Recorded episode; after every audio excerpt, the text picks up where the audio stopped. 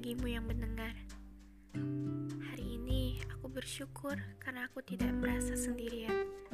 Karena kau tahu, setiap waktu aku bisa bercerita denganmu. Dari bangun hingga sampai tertidur, walau sebenarnya kamu alasan aku ketika aku tidak bisa tidur. Karena kamu insomnia. Kadang setiap malam aku terbangun tapi melihat yang lain sudah terlelap tidur. Untungnya ada kamu.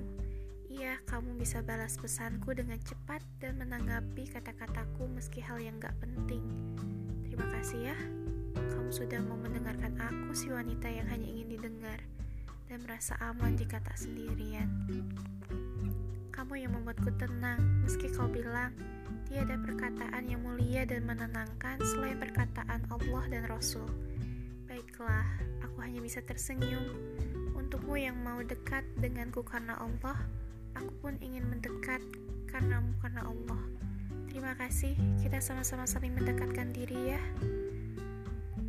Untukmu seseorang yang dititipkan Allah